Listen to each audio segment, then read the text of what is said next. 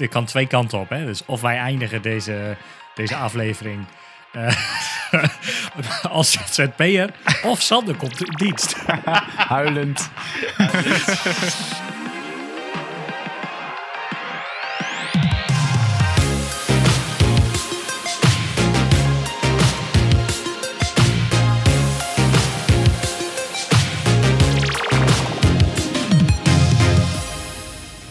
Welkom bij de Pixel Paranoia podcast. Ik ben Mikelle en samen met mijn co-host Rick gaan we alles behandelen rondom UX, UI en front-end development.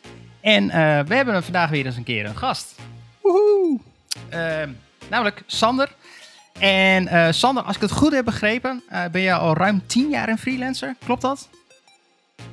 Um, ja, nou dat klopt wel, denk ik.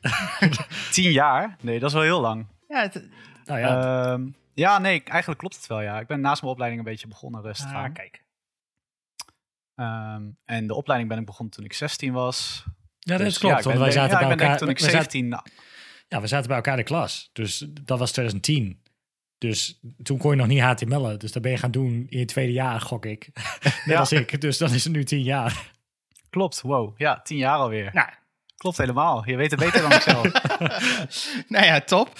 En eh, nou ja, we gaan dus alles bevragen van hoe is het nou om, eh, om freelance te zijn als, als webdeveloper. En eh, nou, ik, ik, ik ben heel erg benieuwd. Dus daar gaan we het in de main in ieder geval over hebben.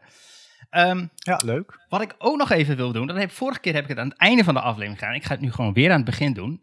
Mocht je nou met ons samen mee willen kletsen, we hebben gewoon een Telegram kanaal. En kom daar. Sander is daar ook. Eh, Rick is er ook. En Erg ik ben er ook. Het is heel gezellig. Eh, en dan kunnen we gewoon lekker eh, wat, wat, wat shit gaande week eh, die naar boven komt eh, met elkaar delen of andere vragen. Alles is mogelijk. Dus kom op Telegram.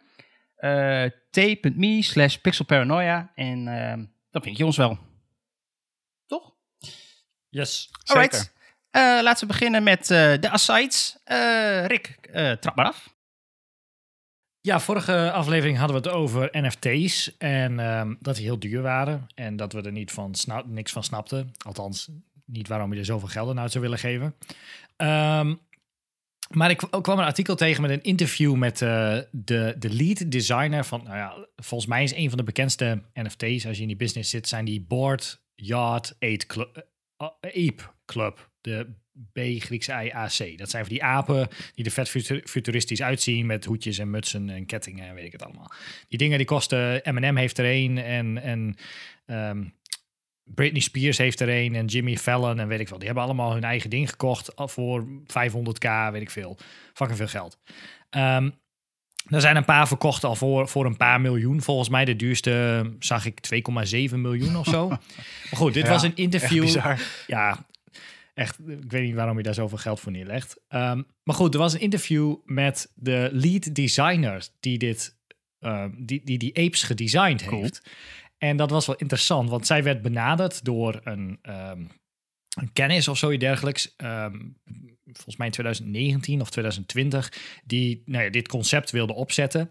Uh, maar hij werd niet precies verteld dat dit het idee was. uh, maar alleen maar, zij was kunstenares en hij werd gevraagd of zij tekeningen kon aanleveren voor uh, ja, iets met apen. En die moesten een beetje de, de zieloos uitzien. Dat was eigenlijk wat ze meekreeg. Dus zij heeft schetsen gemaakt en die staan ook bij dat artikel voor verschillende van die, nou ja, een beetje zieloze apen, zeg maar. En ze moesten generiek zijn dat ze verschillende dingen aan konden krijgen. Dus, maar er werd niet bij verteld dat, dat, dat dit het idee was, als het ware. Um, dus zij heeft nou, de, de basis voor die het ware neergezet. Uh, en een paar van de, de attributen, een, een, mutsje en een ketting en weet ik veel wat andere dingen. En er zijn een aantal designers die dus uh, de andere attributen hebben getekend. Maar goed, zij heeft uh, uiteindelijk niet heel erg veel opgestreken aan deze hele deal. Zij heeft geen ape gekregen, want dat bestond nog niet en dat wist zij niet dat dat het idee was. Dus zij heeft een, uh, ze heeft niet gezegd hoeveel, maar een schamele vergoeding gekregen ja, voor het aanleveren van dit, van dit artwork als het ware. Um, en vervolgens um, ja, uh, lopen andere mensen daar uh, heel hard mee te, te cashen. Uh, nou heeft ze wel recent zelf ook nog een serie met haar eigen kunst als het ware online eh, gezet. Die is uiteindelijk verkocht voor 23,7 ETH, eh, Ethereum. Wat neerkwam op eh 84.000 dollar. En ze hoopt daarmee ehm, haar rekeningen te kunnen betalen. En ehm, wat andere, eh, andere ja, zaken om het leven wat luxueuzer eh, aan te gaan, zeg maar. Maar ze heeft niet kunnen meeliften op de, op de apes van een paar miljoen. Maar eh, Ja, gaat vet. er... Dat is precies het Ga je gang. Ja, Ja, dat is, maar dat is toch precies het tegenovergestelde van wat NFT's eigenlijk willen. Dus je gaat voor decentralisatie en uiteindelijk eh, betaal jij gewoon een, eh, een designer een heel, heel laag bedrag. Ga je zelf eh verdien je miljoenen waarschijnlijk. Ehm, dat is precies hetgene wat NFT's niet zouden moeten zijn. Dan zou eigenlijk de, de designer zou die dingen online moeten pleuren. Exact. Eh, en die zou al dat geld moeten Ja. vangen. ja. Ja, dat, dat is, ja, haar werd niet verteld dat het voor dit idee was. Alleen maar dat het een project was waarbij ze, nou ja, of, of ze die tekening wilden aanleveren. Dus dat heeft ze gedaan. En nou ja, toen is, is dit van de... Tuurlijk, het had ook compleet anders kunnen gaan. Het had ook helemaal niet kunnen lopen. Maar ja, dat... eh, Gaat er trouwens nou per, per sale nog een commissie naar de organisatie van die Board Ape of, of naar die Yacht Club? Of is, ik weet eigenlijk niet hoe het werkt. Ik heb geen idee. Ik, kwam hierbij omdat die twee, ehm, de twee creator of eigenaren, oprichters van dat, die, die Ape Club, die waren gedoxt op Twitter. Eh gedoxt is dus dat je persoonlijke gegevens eh, online worden geplaatst. Want de Rolling Stone Magazine of zoiets dergelijks, dacht ik, die had een... eh, had onderzoek gedaan naar die ehm, company waaronder zij ingeschreven stonden. En toen vonden ze een username. en Die hebben ze gegoogeld en die konden ze weer linken aan een account. En toen kwamen ze uiteindelijk uit bij die twee gasten. En die hadden vervolgens op Twitter ook gewoon gezegd van... oh shit, ik ben gedoxt. Eh, ik ben het inderdaad. En ehm, daar was een meme van geworden van eh, Web 2 mei. En met een foto van zichzelf. en Web 3 me. En dan met hun ape, zeg maar. dus, eh, Nice. maar nee, dat, is, dat, eh, dat kwam ik tegen. Alright, alright. Eh, Cool. Sander, had jij ook eh, iets? Ja, ehm, ik werk zelf best wel vaak met, eh, met WordPress en eh, had er eigenlijk best wel een haat-liefde verhouding mee. Eh, zoals waarschijnlijk veel developers. ja, nee, precies. Ehm, maar ehm, nou, eigenlijk de laatste tijd vind ik dat eh, WordPress best een goede kant op aan het gaan is. En ehm, dat is eigenlijk eh, voor mij in ieder geval begonnen met de eh, Gutenberg editor.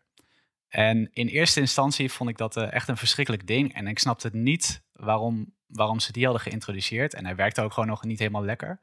Ehm, maar nu, ehm, nou ja, jullie kennen vast ook wel Advanced Custom Fields. Ja. Mhm. die gebruik je dan eigenlijk om nou ja, pagina's naar jouw smaak te kunnen ontwerpen. En zelf invoervelden toe te voegen aan WordPress. Ehm, en zij hebben eigenlijk een hele mooie uitbreiding gemaakt op die Gutenberg editor. Waarmee je dus eigenlijk eh, je eigen blogs kunt developen. Dus eh, in plaats van hoe je met ACF eh, werkt, dat je eigenlijk al die rare invoervelden hebt en dat je van die sections kunt aanmaken, waarmee je eigenlijk helemaal Ja. niet ziet hoe het op de frontend eruit komt te zien. Nee. Kun je met ACF en die, als je custom Gutenberg blocks maakt, kun je er eigenlijk een heel mooie visuele editor maken met daarin je eigen elementen. Cool. En eh, dat gebruik ik eigenlijk nu bij al mijn eh, WordPress websites. Het liefst ook nog in combinatie met eh, Timber, die Rick mij tipte. Eh, waarmee je dus eigenlijk een soort van object georiënteerd kunt programmeren in WordPress. eh, wat normaal ook niet mogelijk is. Ehm, maar eigenlijk, ehm, ja, als je veel met Gutenberg of eh, veel met WordPress werkt, ehm, dan zou ik je echt wel willen aanraden om een keer te kijken naar die Gutenberg editor en dan vooral naar die custom blocks. Omdat je eigenlijk dan volledig eh, je eigen blocks kunt ontwerpen de, of eh, programmeren. Dus jij bepaalt eigenlijk hoe alles eruit ziet en hoe alles erin wordt geladen. Je koppelt ze aan die eh, advanced custom fields, dus die invoervelden. Eh, die kun je openlaten voor de, eh, voor de WordPress admin. Eh, dus jouw klanten kunnen daar bijvoorbeeld teksten makkelijk in aanpassen zonder dat ze het hele design kapot maken. Wat vaak bij die page builders en dat soort dingen gebeurt. En omdat je die blocks eh, zelf ontwikkelt, hangt er niet al die ellendige CSS aan die je bijvoorbeeld bij page builders hebt, waardoor alles veel cleaner is en veel sneller laat. Ehm, ja, dus een hele goede tip. Als je, als je veel met WordPress werkt, zou ik dat sowieso aanraden om eh, eens naar te kijken. En ik zie, ehm, het wordt gewoon nog niet zoveel gebruikt. Dus ik dacht, daarom eh, is het misschien wel interessant om hier nog even te melden. Ja, nice. Eh, ik zie veel mensen werken met ACF. maar die Gutenberg editor die is eigenlijk wel ja, erg krachtig. En elke nieuwe update van WordPress ontwikkelen ze die ook verder en wordt die ook, wordt die ook een stuk beter. Ja, ja, want ik heb die, ik heb die, die, die, ik doe verder niet heel erg veel met WordPress, maar die Gutenberg editor vond ik inderdaad eerst verschrikkelijk. Het eerste wat je deed was die klassieke editor weer installeren als plugin. Nee, deed ik ook altijd. En, ja. en die, die ACF-velden, die, die gebruik ik dan wel. Ehm, maar ja, je krijgt dan inderdaad geen visuele. Uh, je weet niet hoe het er aan de voorkant uitziet. Want ik maak gewoon een van de ratingveld. En dan komt er gewoon opeens bij je post of zo. Komt er zo'n zo'n veld bij onderaan. En dan vul je daar wat in. En dan aan de voorkant hocus pocus vertaalt zich dat opeens naar een reviewkaartje of zo. Precies. Je hebt inderdaad geen, uh, geen, geen invloed op waar die komt te staan op de pagina. Anders dan dat je hem in je template ergens rendert. Precies. Maar met die, uh, met die Gutenberg blokken kun je hem dat dus ook echt verslepen. Van, oh, ik wil deze nu hier bovenin hebben en die wil ik eronder, et cetera, et cetera. Ja, ja, precies. Ja. En uh, je kan ook uh, kolommen aanmaken en dan in die kolommen weer die custom blocks uh, knallen. Dus ik werk veel, oh, nice. veel samen met een vriend van mij die is marketeer. Um, en hij zit veel met, met SEO en met content is hij veel bezig. Um, en um, nou, als we dan samen een website maken, dan denkt hij na over de indeling van de website. en dan maak ik voor hem nou ja, het, het, het webdesign en develop ik dat. En dan maak ik gewoon uh, blokken aan, zodat hij heel makkelijk zelf die content uh, erin kan knallen. En daar heeft hij mij eigenlijk helemaal niet voor nodig. Uh, ik bepaal gewoon precies hoe al die blokken eruit komen te zien. dus qua styling ben je gewoon helemaal zelf als developer verantwoordelijk. en um, ja, de, de marketeer hoeft echt alleen maar teksten in te vullen en plaatjes toe te voegen. En het, het werkt gewoon. En het gaat niet stuk omdat jij die blokken zelf hebt, hebt ontworpen. Ja, ja, ik, ik, ik heb, uh, uh, wij doen het voor een klant eigenlijk een beetje dezelfde uh, constructie. En ik, ik ben helemaal geen, geen PHP-developer, maar wat ik wel heel tof vind is de, de, de combi tussen, nou wij maken dan gebruik van Twig als, als templating framework. en dan in combinatie met die ACF-fields, dan kan je echt best wel snel, makkelijk velden in de achterkant ontsluiten naar de voorkant. Heel mooi netjes opknippen in blocks en, en whatever ja, best wel heel modulair en je houdt je templates heel strak en clean. Ja. Uh, ik, ik hou er wel van. Uh, het, is, uh, het zit eigenlijk wel fijn in elkaar. Ja dat, is, ja, dat is precies de setup die ik nu ook, nu ook altijd gebruik, ja. ja. Met Twig inderdaad, waardoor je toch loops kunt toevoegen, wat variabelen makkelijk kunt toevoegen en dat soort dingen, ja. Straks wordt WordPress nog gewoon snel. Dan hoef je er niet een speciale WordPress-hosting achter te hangen.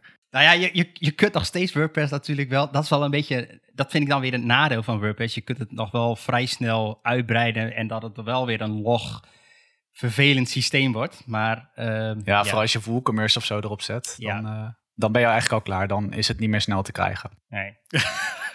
ja, dan betaal je extra gewoon voor, voor meer RAM, meer CPU. ja, maar ik moet zeggen, als ik, als ik websites heb zonder WooCommerce nu, kan ik ze oprecht heel snel maken. Ja. Nice. Cool. Ja, dat is uh, voor je en, Google PageSpeed. Ik vind nog steeds, uh, ik heb nu al een aantal uh, CMS gezien, CMS'en, CMS'en, ehm, die, waarbij die niet zoiets hebben als Gutenberg. En Gutenberg is best wel gebruiksvriendelijk uh, voor veel klanten. Ik merk dat de klanten van ons dat ook wel eens uh, als heel fijn ervaren. Uh, waarbij bij andere CMS'en heb je meer een, ja, is het meer, uh, voeg je componenten toevoegen, maar helemaal compleet niet visueel. Dus ze weten eigenlijk niet hoe de, de voorkant eruit komt te zien. Ja, hierbij wel. Nee. Dus... Ja, je hebt dan gewoon rows en je sleept een row boven ja. een andere row en dan ja. Het is een beetje met Lego-blokjes uh, slepen, zeg maar. Maar je weet niet hoe het uiteindelijk in de template eruit ziet. En dat is bij, uh, bij Gutenberg wel netjes gedaan. Dus, uh, ja. ja. Oké, okay, check. Nice. Cool. Uh, ik heb, wil nog even iets op ingaan wat we in de vorige aflevering hebben besproken. Dat ging over Google Analytics en of het nou wel of niet verboden wordt, et cetera. Nou, daar is wel een klein beetje een update om. En misschien voor Google in negatieve zin. Uh, dat is namelijk dat er uh, nu veel meer landen uh, onderzoeken zijn gestart binnen Europa. En ook naar andere websites zoals IKEA en Airbnb en Sky News. En er wordt ook gekeken naar Facebook Connect, want die doet ook een beetje de soort soortachtige dingen als wat Google Analytics aan het doen is. En dat, ja, dat ziet er eigenlijk niet heel positief uit voor die bedrijven. Ehm, want eigenlijk wordt nu alles een beetje onder de loep genomen en gekeken van ja, het is eigenlijk niet de bedoeling hoe het allemaal werkt nu. En daarnaast eh, is er een gesprek geweest met een van de iemand bij Meta, oftewel bij Facebook. En die hebben, daar gaan wat signalen rond van, ja, ja als Europa zo uh, in de wedstrijd gaat staan, dan moeten wij misschien onze spullen maar offline halen in Europa. Nou, lijkt me niet dat ze een heel continent uit gaan zetten. Ik denk dat het wat ver gaat. Maar uh, nou, dat, dat, speelt genoeg. En dat wou ik nog wel even. de, de, de reacties zijn vooral doen. Wanneer? Ja, ik zag ook al op, uh, op Twitter het enige andere van, ja, ja, prima. Au revoir. dus, ja, uh, precies. Maar gaat dit dan allemaal nog steeds om die dataservice in de US? Is dat ja. het enige issue? Nou ja, ja uh, uh, één, ze, ze trekken misschien net wat te veel, wat niet helemaal de bedoeling is. Dus ja. wat je terug kunt leiden naar eigenlijk naar persoonsgegevens. en twee, het wordt inderdaad opgeslagen in Amerika. En dat is, ja, dat, dat eigenlijk... Ja, of, of geroute via Amerika. Ja, of geroute via. Dat was het. Maar dat, dan, dat is makkelijk te fixen, toch? Lijkt mij ook, want die bij, de bedrijven die we nu noemen hebben vaak hun hosting ook wel in Europa staan. Dus ja, ik weet het niet. Het, het lijkt me te fixen, maar ja. Ik denk dat ze wel een manier uh, vinden. Ja, anders, hoe moet mensen straks Candy Crushen dan? Al die euro's. ja, er, ze zijn ook een beetje te groot. En, en, en, Europa is nou ook weer niet klein, zo klein, zeg maar. De, de bevolkingspopulatie is best groot. Dus ja, eh, commercieel uh, hangt er nogal wat vanaf, lijkt mij. Hives, Hives komt terug. Ja, wie weet. ja, misschien. Um, en had ik nog een dingetje. Uh, en, en dat is meer een ergernis en ik wil die toch even kwijt. En ik ben benieuwd hoe jullie daar naartoe kijken. Uh, op social media ben ik wel gewoon eens op zoek naar wat accounts die misschien eens wat doen in UX, UI of, of nou, misschien frontend. Dat, dat gebeurt niet heel veel op social, zag ik al. En uh, daar kom ik van die accounts tegen. En dan denk ik, ah, ziet er in instantie wel leuk uit. En dan volg ik dat. En dan blijkt het eigenlijk gewoon een soort van soort mini-dribble, zeg maar. Met allemaal van die designs dat je denkt van, ja, weet je, maar dit is totaal niet realistisch. Of echt niemand gaat dit zo bouwen of maken. Of ik heb al een, een uh, er zag, was iemand uh, in, in QuickSpeed een design aan het maken. En er stond erbij van, ja, kijk, zo was het wireframe. En dan kijk ik het wireframe, en dat lijkt gewoon inderdaad exact het design, maar dan omgekeerd ingekleurd naar grijs zonder, of zo. Zonder kleur. Heel raar. ja, precies. ik, nou, dit is toch, het, de kwaliteit is echt mager. En ik vraag me af hoe jullie, hebben jullie daar ook, of hebben jullie wel accounts van, van op Twitter is het trouwens misschien iets beter platform, maar ook daar zie ik dat nog wel veel. Nou, op Instagram niet. Op Instagram zie ik alleen maar gejatte dribbeldingen ja. en uh, uh, andere vage tips en zo dergelijks. En ik, ja, hm, niet zo heel geweldig. Twitter volg ik eigenlijk geen UX-tips. Alleen het enige wat ik volg is, een, uh, is, is, is zo'n marketing-account. Um, marketing even kijken hoe En wat, wat voor content ja. Uh, doen die? Oh, die, die, doet, die geeft tips, copywriting tips. Okay. En geeft een soort van case studies in, en van die Twitter threads, zonder reclame en zo ook. Yeah. Um, over nou, hoe, waarom Apple een homepage zo heeft gebouwd. Of waarom uh, Airbnb koos voor deze en deze opties, zeg maar. En niet voor deze titel, maar voor die titel. Uh, om okay. nou geen vraag te stellen in een header, maar juist antwoord te geven op een vraag. En uh, van dat soort kleine do's en don'ts. Dat, dat klinkt wel die, daadwerkelijk nog nuttig. ja, precies. Zeker, zeker. Ik zal even... Ik zal en jij, Sander? Ja, ik volg inderdaad op Instagram wel een paar van die accounts van die design inspiratie-accounts, noem ik het maar. Ja. En uh, wat me vaak opvalt is uh, de designs. Ja, ze zien er misschien leuk uit, maar er wordt weinig nagedacht over usability of hoe je dat uh, uiteindelijk toe gaat passen. Uh, en um, ik vind ook de reacties, als je daarnaar kijkt, dat is ook altijd heel bijzonder. Je hebt altijd, ja, er staan altijd vooral positieve reacties onder. Uh, drie uh, raketjes of vlammetjes of uh, wauw, super gaaf design. Terwijl, ja, dan zie ik dat design en dan denk ik van ja, wat, wat is dit, weet je wel? Ja, de reacties, very nice, very good. Ja, vlammetje, vlammetje, ja, vlammetje, 100. Um, maar ik heb een keer een artikel gelezen van een gast die heeft hier nou, een soort van onderzoekje naar gedaan. hoe je het beste kan, kan toetreden in de design communities, noem ik het maar. Ehm, Ja. Dus die, die ging, ging uittesten eh, wat verschillende manieren waren om te reageren eh, op dit soort eh, designs.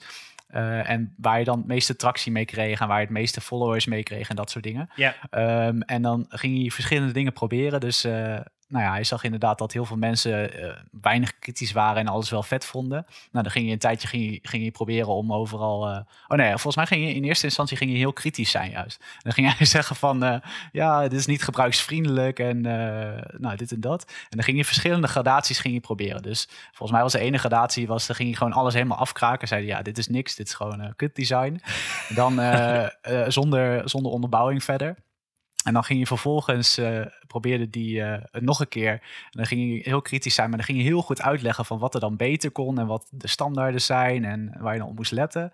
Nou, ja, dat kreeg allemaal maar weinig tractie. En eh, eigenlijk werkte het volgens mij gewoon het beste als je overal inderdaad gewoon heel positief op reageerde en, het allemaal maar deelde en zo. Maar ja, wel, wel interessante. Het is bijna een soort van aparte wereld of zo. Eh, Ja, ik- ik- lijkt het soms. Het is een beetje alien-achtig, eh, Ik- voelt het soms. Ik krijg een beetje het idee dat, dat al die accounts, want ik heb er al een aantal gevolgd en ook alweer ontvolgd. Dat, dat, het is allemaal een beetje eh social... Circle jerk. Ja, ja, so- social engineering, Ja, ja, zeg maar. Het is eh, Ja. allemaal van die...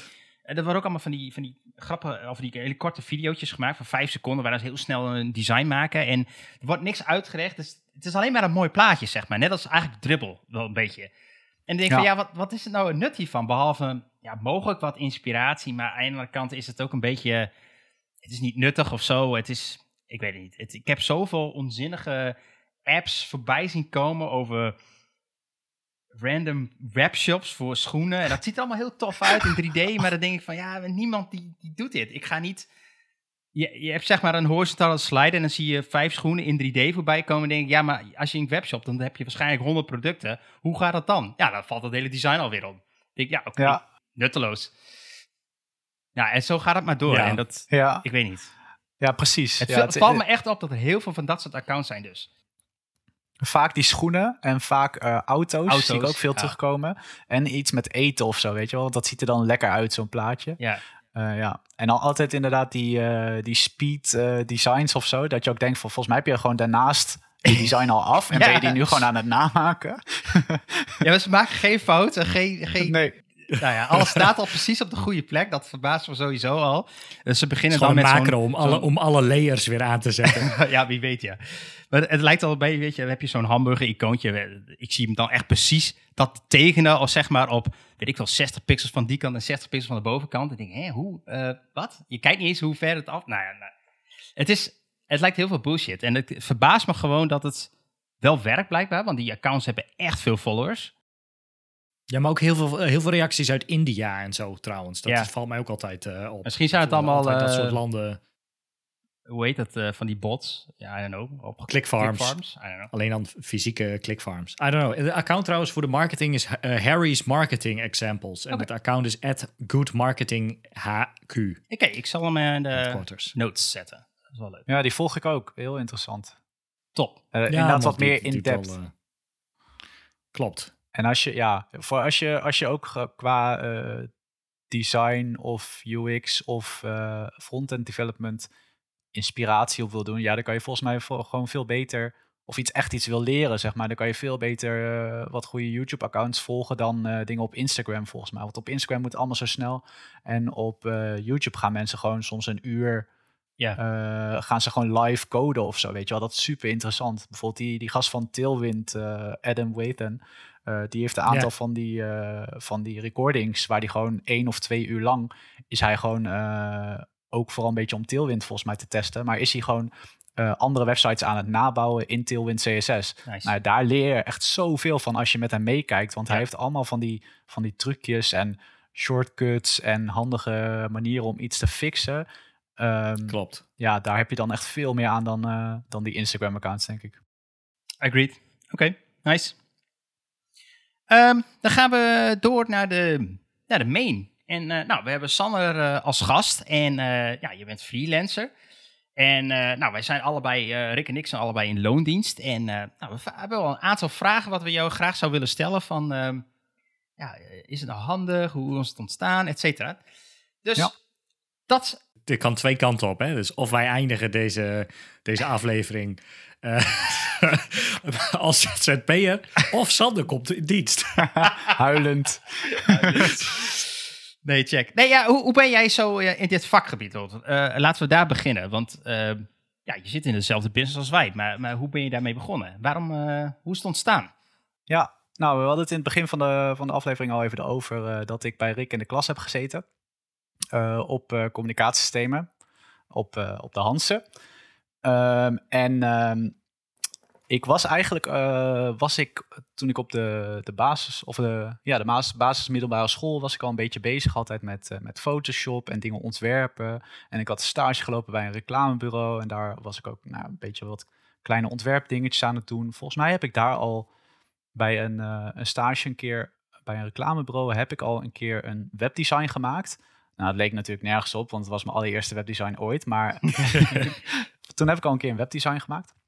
Ehm, maar ik vond eigenlijk dat, eh, dat nou, photoshoppen vond ik leuk. En ik vond een beetje dingen ontwerpen en zo vond ik wel, wel heel leuk. Eh, daarom ben ik die opleiding communicatiesystemen gaan doen. Eh, maar daar in het eerste jaar kreeg je eigenlijk vier blokken. Waarvan één brand and design management, eentje game design en development en eentje web en mobile services. Of nee, twee van, twee, volgens mij twee Ja, van dat, web. dat, dat, waren, dat waren de richtingen. Je bedoelt eh, web, dynamisch web, Ja. beeldtaal en nog iets. Dat waren die blokken. Ja, precies. En dat was een beetje een voorproefje van die richtingen die je daarna in het, vol, in het Ja. tweede jaar ging kiezen. Ehm, nou, en ehm, tijdens dat eerste jaar, ik vond, eh, ik vond dat designen vond ik heel leuk. Hebben een huisstijl gemaakt. Maar dat web, daar was ik nog nooit zoveel mee bezig geweest.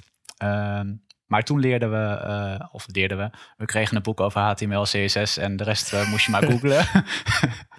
Eh, toen heb ik mijn eerste website gebouwd eigen, eigen portfolio website volgens mij. En dat vond ik wel heel leuk. En ehm, ja, toen, ik, ik ging eigenlijk die opleiding in van, ik wil graag designer worden. Ik wil graag dingen met branding doen. Uh, maar toen, uh, toen ik met uh, HTML, CSS was bezig geweest, dacht ik wel van, oh, dit is ook heel leuk. Ja, dit vind ik ook wel heel tof. Uh, en toen ben ik heel erg aan het twijfelen geweest. Ehm, ik, ik wist echt niet wat ik moest kiezen. Ik vond eigenlijk allebei leek me even leuk. Um, en toen heb ik een, op een gegeven moment heb ik een gesprek gehad met mijn vader en met een, een, vriend van hem. En die vriend van hem die had een eigen IT-bedrijf en nou, best wel, best wel goed bedrijf volgens mij. En die zei eigenlijk tegen mij van, kijk, als je ze allebei even leuk lijkt, stel je zit 50-50, ga dan sowieso voor die web en mobile services, want dan heb je zoveel meer kans op een baan later.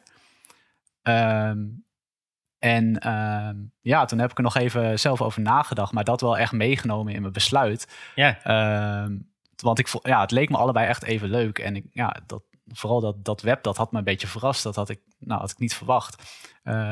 toen ben ik uiteindelijk dus toch voor die uh, web mobile services gekozen. En uiteindelijk bleek ook dat 80% van de, van de klas die ging brand en design management doen. dus daar zijn, ja, daar zijn gewoon veel meer mensen in dat vakgebied. Um, en uh, veel minder mensen gingen uiteindelijk web doen. Ja, en nou ja, je merkt nu wel hoeveel vraag er is in de, in de, in de IT-sector, zeg maar. Dat is uh, geen onverstandige keus geweest, denk ik uiteindelijk. nee, dat was een je hele goede langs set. geweest. ja. Langs geweest met een flesje bier, een kratje bier, een fles wijn. Bedankt voor deze, dit wijze advies. Ja, ja dat, was, uh, dat was een goed advies, ja. En wat vond je nou zo, zo leuk aan het, aan het webdeel dan? Ja, um, ik, ik kan gewoon als ik uh, gewoon een beetje aan het programmeren ben, ik, ik verlies, gewoon, uh, verlies gewoon volledig de tijd. Ja, ik, ik duik er gewoon helemaal in en je bent gewoon lekker aan het puzzelen. En uh, het mooie aan in ieder geval HTML, CSS vind ik dat je direct resultaat hebt. Dus um, je ziet gewoon direct wat je met die code opschrijft, zie je gewoon direct op je scherm als je, als je refresht. Ja. Um, ja, dus dat, vond, dat vond ik wel heel tof. Um, ja, het ja, is visueel resultaat. Ja, visueel resultaat inderdaad. En je bent gewoon lekker aan het puzzelen. Ja, dat vind ik top. Nice. nice. Ja, dat heb ik zelf ook wel. Ja, eh, dat- dat- het, het is altijd weer een uitdaging om te kijken hoe je kun je het met minder code doen, kun je het sneller doen, kun je het effectiever doen.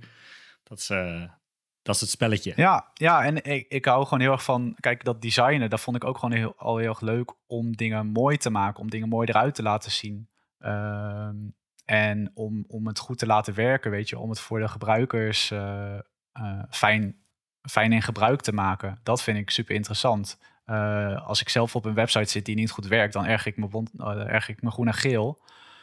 Ja. Ehm, dan denk ik van ja, dat kan ik beter, weet je wel. Dan, dan vind ik het leuk Ja. om daar aan bij te dragen. Om, om proberen het web een beetje beter te maken. Ja. Ja, het is dus vooral echt de combinatie van nog steeds wel dat designen, maar ook het interactief maken en het visueel maken in één keer. Eigenlijk vrij snel resultaat hebben. Ja. Dat is wel eh, de combi die voor jou eh, werkt dus. Ja, en gewoon lekker puzzelen. Ja. Cool, leuk. hey, en, en, eh, en, en toen? Je was klaar met je, met je opleiding. Wat, wat ben je toen gaan doen? Ehm, Was al helemaal verkocht, dan dit, dit moet het worden tijdens de opleiding?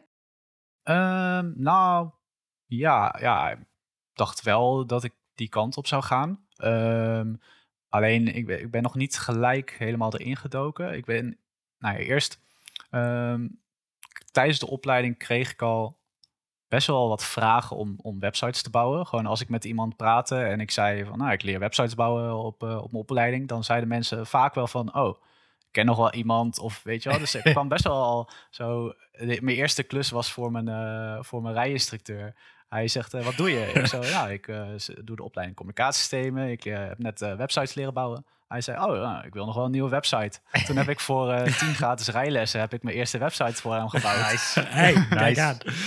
Mooie deal. Eh, ja, dus dat, soort, dat soort klusjes die kwamen eigenlijk al tijdens de opleiding elke keer, elke keer erbij. Ehm, op een gegeven moment werd dat, werd dat zoveel dat ik dacht, nou ja, nu ga ik ook gewoon eh, KVK aanvragen. Ga ik me, mezelf inschrijven als bedrijf. Ehm, maar toen deed ik dat wel gewoon nog steeds, nog steeds naast mijn opleiding. Dus ik heb gewoon die opleiding rustig afgemaakt. Daarnaast af en toe een klusje gedaan. Ehm, toen ben ik in eerste instantie nog begonnen met een pre-master. Eh, communicatie- en informatiewetenschappen aan de rug. Ehm, alleen, eh, nou, die heb ik wel afgemaakt, maar ik vond het, ja, het vond, niet heel interessant. Het was heel eh, theoretisch, heel erg gebaseerd op taal. En eh, ik, nou, ik wilde dan de master computercommunicatie gaan doen. Ik dacht, dat is dan misschien best wel technisch, maar het was allemaal, nou ja, mij veel te theoretisch. En eh, scripties schrijven vond ik ook verschrikkelijk. Jij, jij bent er nog aan begonnen. Ik, ik ben alleen bij, de, bij de, de, de, wat is het, de open dag geweest. En toen dacht ik al, nee, dit is mij veel te veel waarom en theorie en boeken schrijven. Of eh, wat is het, eh, scripties schrijven Ja. en onderzoek doen. En eh, ik wil gewoon dingen maken. Uit- dus toen ben ik heel hard weggerend. Uiteindelijk goede keuze, ja. Dat, dat had ik denk ik ook gewoon moeten doen. Ja, Ehm, ja en toen, even kijken, naast die opleiding ben ik op een gegeven moment ook nog gaan, gaan werken bij Belsimpel als een bijbaantje. Eigenlijk in eerste instantie heel andere richting. Gewoon als medewerker van de aansluitdesk. eh, gewoon een wat meer administratieve functie, zeg maar. Eh, maar eigenlijk na eh, een paar maanden bij, bij Belsimpel eh kwamen zij bij mij en eh vroeg ze of ik eh, ehm, bij het AdWords, toen heet het nog AdWords team wilde gaan werken. En toen ben ik samen met een andere collega zijn we naar dat AdWords team gegaan. Dat deed eerst één iemand, toen gingen wij dat met z'n tweeën doen. En toen hebben we eigenlijk dat, eh, nou, daar dat team opgezet en eh, zijn we gegroeid tot uiteindelijk iets van zes man. Eh, dus toen ben ik wat meer de marketingkant opgegaan. Ja. Dus was ik veel met AdWords, Google AdWords en Facebook ads en dat soort dingen bezig. En daarnaast af en toe nog wel nog steeds wat, wat ZZP-klusjes in, in webdevelopment. En wat, vond je van die marketingkant? Was dat ook nog een, iets wat je serieus zou overwegen? Of Ja, ik vond, ik, vond het, eh, ik vond het eigenlijk best wel interessant. Ja, ik vond het best wel leuk. Ehm, het was ook wel. Nou, het eh, redelijk, eh, bedrijf draait redelijk op, op AdWords wat dat betreft. Dus je hebt grote budgetten waar je mee mag werken. Je krijgt echt ontzettend veel kliks en views en dat soort dingen. Dat is wel echt Dat vond ik wel echt tof om te doen. leuk om ook dat, dat team wat groter te maken, om dat wat meer op te zetten. Ehm, maar uiteindelijk dacht ik wel van, nou ja, ja binnen, binnen zo'n bedrijf dit doen, dat leek me dan niet echt wat. Ehm, dus ze hebben op een gegeven moment heb ik ook wel een fulltime functie aangeboden gekregen. toen heb ik wel gezegd van, nou, dat, dat wil ik eigenlijk niet. ik, ik had nog steeds wel in mijn achterhoofd van oké, dat, dat web development, dat vind ik wel echt uh, leuk. En daar wil ik wel verder mee met mijn eigen bedrijf. Ja. Dus toen, uh, nou, toen ben ik op een gegeven moment ben ik bij wel simpel gestopt. Ben ik een uh, acht en een half maand gaan reizen. tijdens die reis had ik één, één klant, doorlopende klant, waarvoor ik wat dingen deed. Daar heb ik een nieuwe website voor gemaakt, maar ook Google Ads wat dingen mee gedaan. Dus dan kon ik ook nog een klein beetje wat geld verdienen tijdens dat reizen. Uh, en eigenlijk die 8,5 maanden, uh, die reis heb ik ook een beetje de tijd genomen om na te denken van, nou ja, welke kant wil ik op? Want ik wist toen ook niet zeker van, oké, ga ik nou bij een bedrijf werken of ga ik de stap nemen om uh, voor mezelf te beginnen? Ja. En nou, eigenlijk toen ik, toen ik weer terugkwam in Nederland, toen dacht ik van, ja, ik ga het gewoon proberen. ik heb nu sowieso geen baan, dus ik kan sowieso, ik heb sowieso de ruimte om gewoon even te proberen om, om fulltime te gaan freelancen. Ehm, en ehm, ja, vanaf toen uh, ben ik dat gewoon fulltime gaan doen. En eigenlijk binnen, uh, binnen best wel een korte tijd uh, werd ik gebeld door de vader van een van de oprichters van Bel Simple. Dus een van de Jeroens, de vader daarvan. Yeah. En die had van zijn zoon gehoord dat, dat ik voor mezelf was begonnen. En nou, hij had een bedrijf die verkopen kussens voor, voor in bed, zeg maar. Eh, van die eh, therapeutische kussens. En eh, hij vroeg of ik hem niet wilde helpen met, met wat marketing dingen. En nou, toen had ik eigenlijk al direct best wel een, een grote klant. dus daar, ja, daar kon ik gewoon, gewoon mee vooruit. had ik een goede basis, zeg maar, om ja. daarmee te beginnen en dan nog wat andere projectjes ernaast te doen. En ja, eigenlijk sindsdien is het gewoon allemaal gaan lopen. En nou, tot nu toe heb ik elke keer gewoon klussen gehad. Ja. ja. Ik vond het altijd al gewoon via via. Hè? Dat is altijd, ik heb dat zelf dan af en toe ook. Maar mensen weten je altijd op een of andere wijze op het juiste moment ook te vinden. Ja. Soms zelf te vaak. Dat, uh, ja. ja, zo is het wel. Als ik, uh, vaak als ik op een gegeven moment denk van... oeh, nou, er komt, ik heb straks even niks. Dan, uh, dan komt er ergens uit een of andere hoogte komt weer een klant. Ja, wat vind je dat een. een, een uh, uh, ik, ik vraag me dan af, vind je dat een enge situatie? Of heb je zoiets van, nou ja, dat, dat, dat triggert mij ook wel weer? Of, of hoe kijk je daar zelf naar? Ja, goede vraag. Uh, ik, vind, ik vind het wel. soms geeft het je wel wat kopzorgen. Ehm, maar over het algemeen, kijk, in, in dit vakgebied, er is zoveel werk. Dus altijd weet wel iemand je te vinden. Of je doet een oproepje en uh, je zegt: Ik heb weer wat ruimte vrij. Wil er iemand een nieuwe website of zo? Um, uiteindelijk komt het altijd wel weer goed. Wat Rick net, net zei: uh, altijd weet iemand je wel weer te vinden. Ja. Uh, en dat is, nou ja, dat gaat nu al vier jaar lang gaat dat zo. gaat gewoon de hele tijd goed. dus ik denk dat dat ook altijd wel zal blijven. En op een gegeven moment nu is mijn netwerk ook wel zo groot dat elke keer als ik inderdaad uh, denk, oh, ik heb straks even niks te doen, dan komt er wel weer een oude klant en die wil weer een aanpassing of zo. Ehm, dus die komen dan ook weer terug. Dus op een gegeven moment, dan, als dat balletje gaat rollen, dan blijft het in principe ook wel rollen. Ja, precies. Want je netwerk wordt gewoon langzamerhand groter, omdat je al die klanten hebt gehad in het verleden. Ja. Precies. Ja. precies. En die praten weer met, met, uh, met hun, hun bekenden. En uh, ja. ja. Ja, dat, uh, dat, dat ken ik. Dat is opeens de buurvrouw en die had gehoord van uh, dit. En dan word je later opeens weer gebeld van... ja, ik, ik sprak met die in de, in de lift en die, hey, jij hebt voor hun die een website gemaakt. En uh, nou, voor je het weet, dan heb je weer...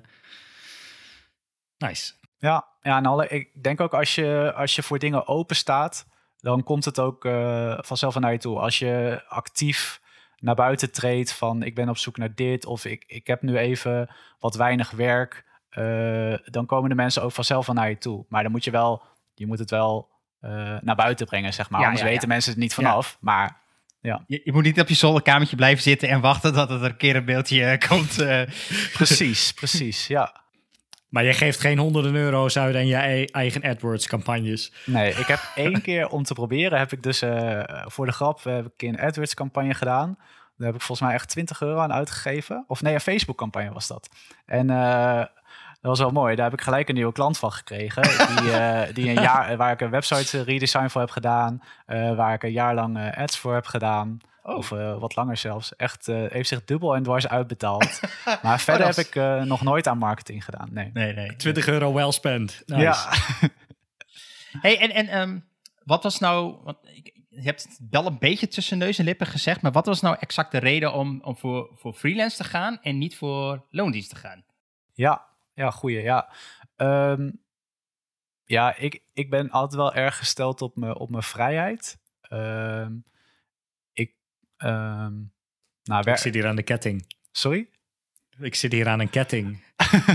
Ja, dat valt waarschijnlijk ook wel mee. Maar ik vind, ik vind eh, voor je ja, freelance of eh, ZZP als ZZP'er werken is voor mij eigenlijk een ultieme gevoel van vrijheid en eh, voor jezelf eh, je, je brood, de kost verdienen, zeg maar. Ja. Dus je werkt, je werkt echt puur voor jezelf.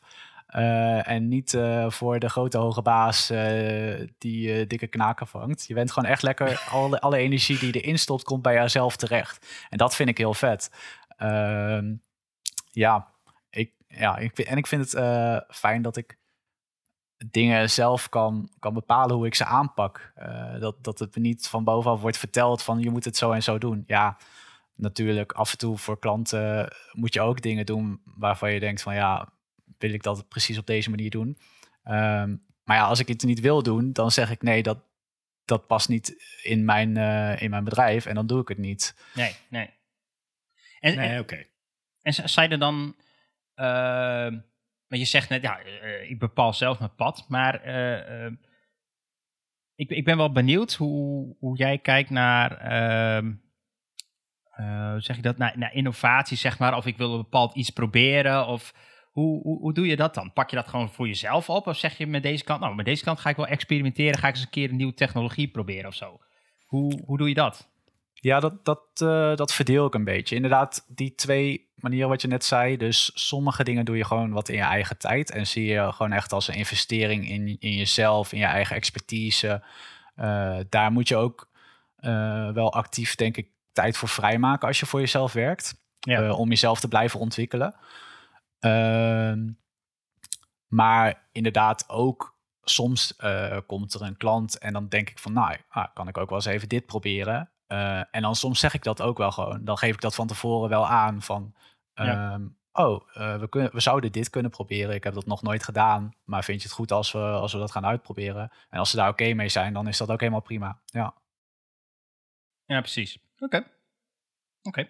Zo heb je ook ergens eh, een keer begonnen met Timber in WordPress. Ja, ja klopt. Ja, heb ik toen voor, Tail- voor een klant op een gegeven moment eh, dacht ik, nou, nu eh, wil ik dit wel een keer proberen. En eh, heb ik dat gedaan, ja.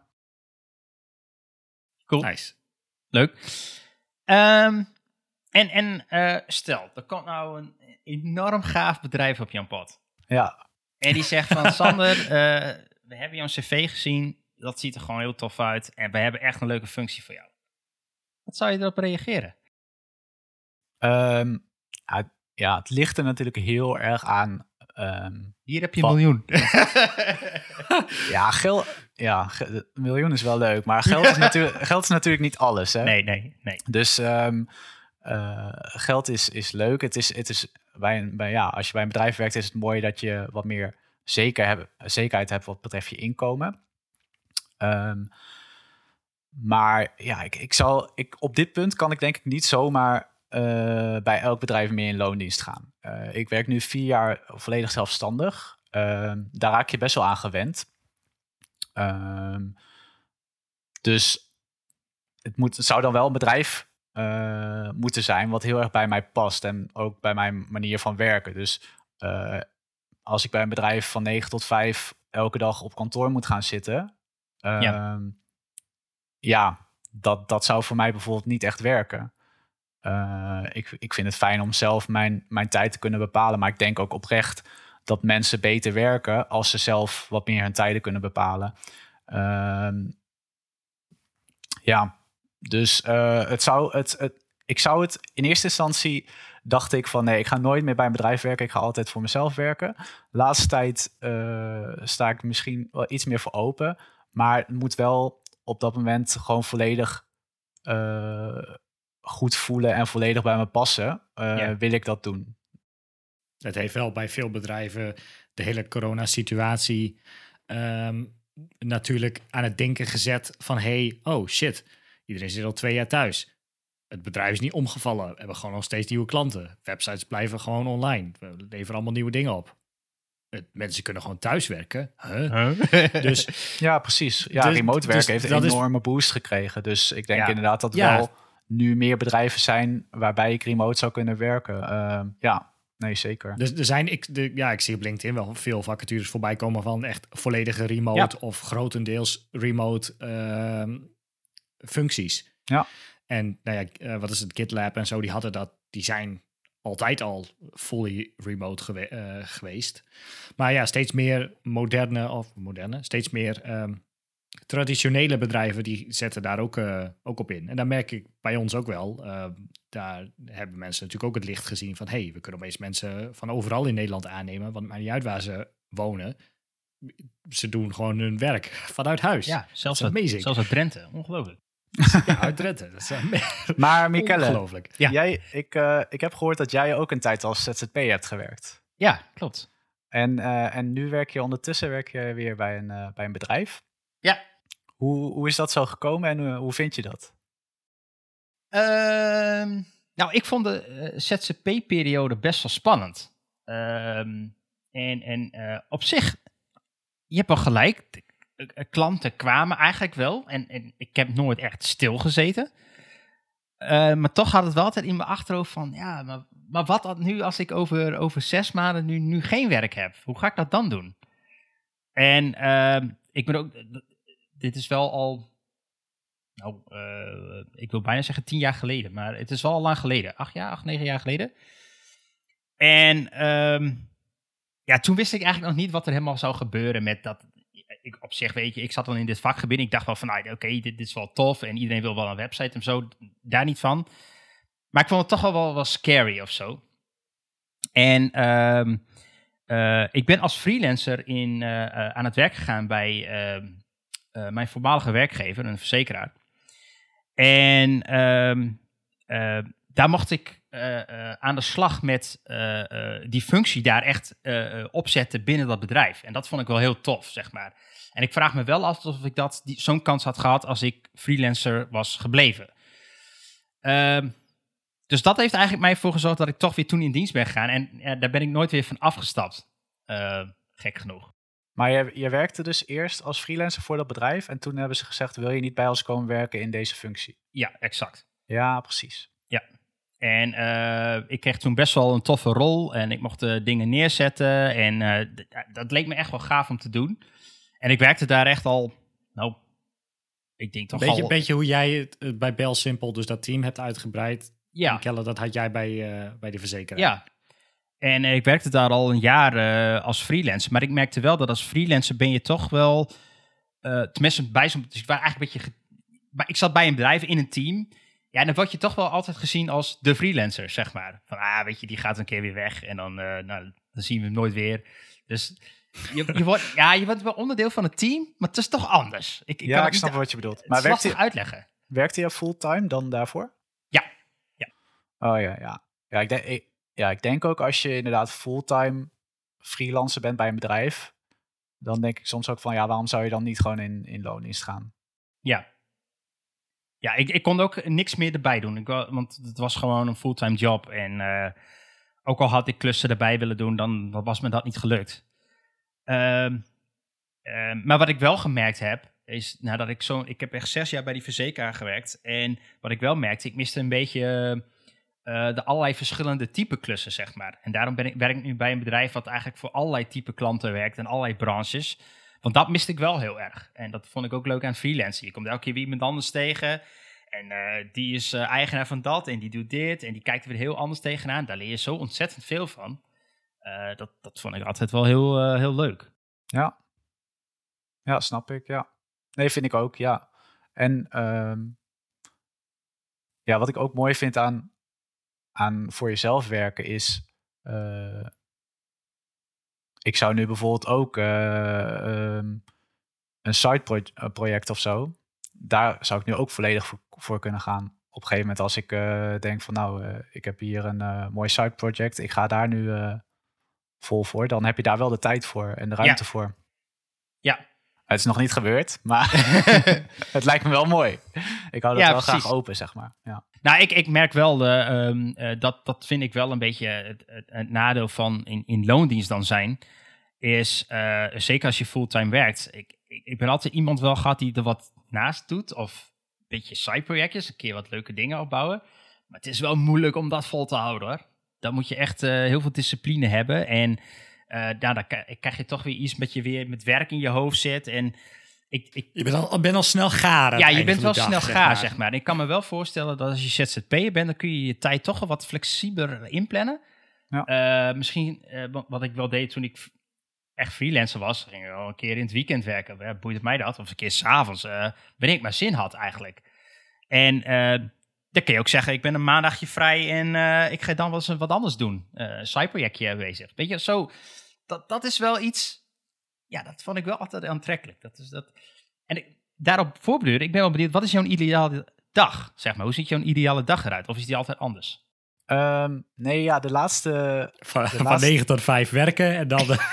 ja, nou ja, de laatste tijd is dat dus. Kijk, eerst eh, heb ik volop genoten van het, eh het ZZP'en. En, eh, maar toen werkte, werkte ik ook veel in, eh, in cafeetjes en dat soort dingen. Eh, en nou ja, waren de tijden erg verschillend.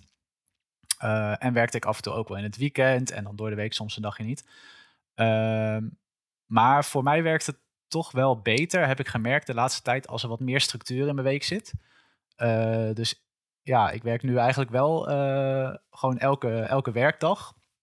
Ehm, maar ja, behalve als, als ik op een gegeven als het gewoon op een gegeven Als je geen zin hebt. als een keer ja, nou ja, precies. Als het er gewoon een keer goed uitkomt eh, om een eh door de weekse dag niet te werken, dan kan dat gewoon. Eh, soms pak je dan een dag in het weekend extra, inderdaad. Maar meestal, ehm, ja, ga ik, nou ja, rond tien uur begin ik meestal met werken.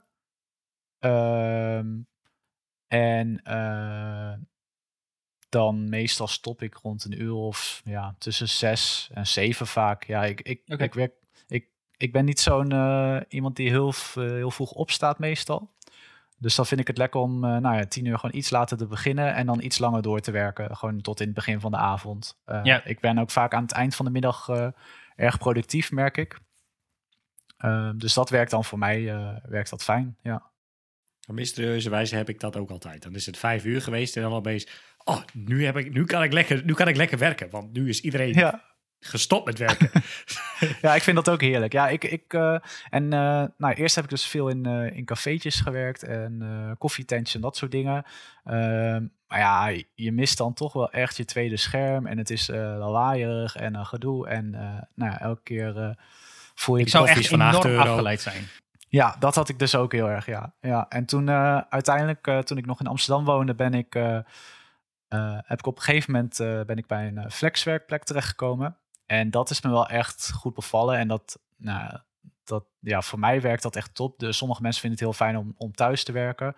Eh, ik krijg thuis echt niks gedaan. Eh, raak ik echt afgeleid met van alles, dan zit ik eh, in één keer een uur lunch te koken of zo, weet je wel, zoiets doms. Oh, oeps. maar ehm, eh, nee, een flexwerkplek heeft voor mij echt wonderen gedaan voor mijn productiviteit. Ja. Maar dat moet ook maar net bij je, bij je passen. Ja. Ik kan me ook Ja, wel voorstellen ja, dat je het thuis juist heel fijn vindt. Ja, ik doe al twee jaar niks anders.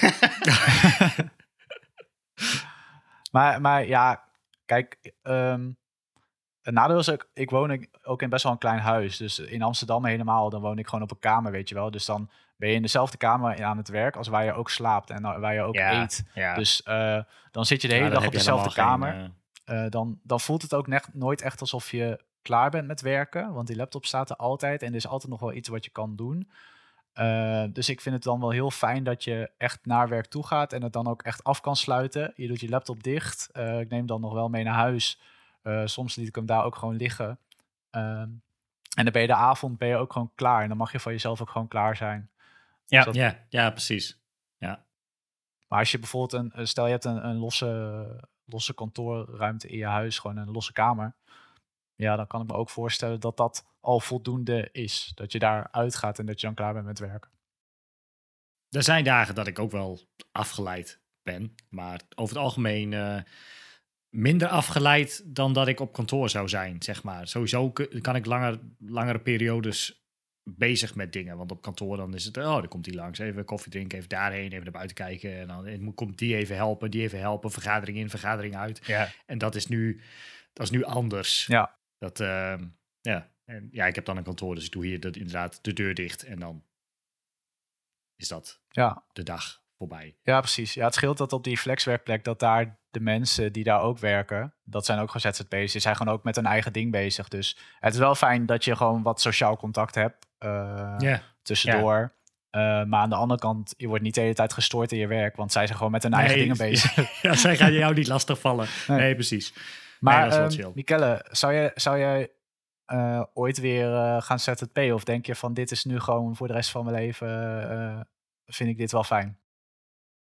Eh, dat is een goede vraag. Ik, ik, ik zou de deur niet dicht doen eh, naar het ZZP'en, nee.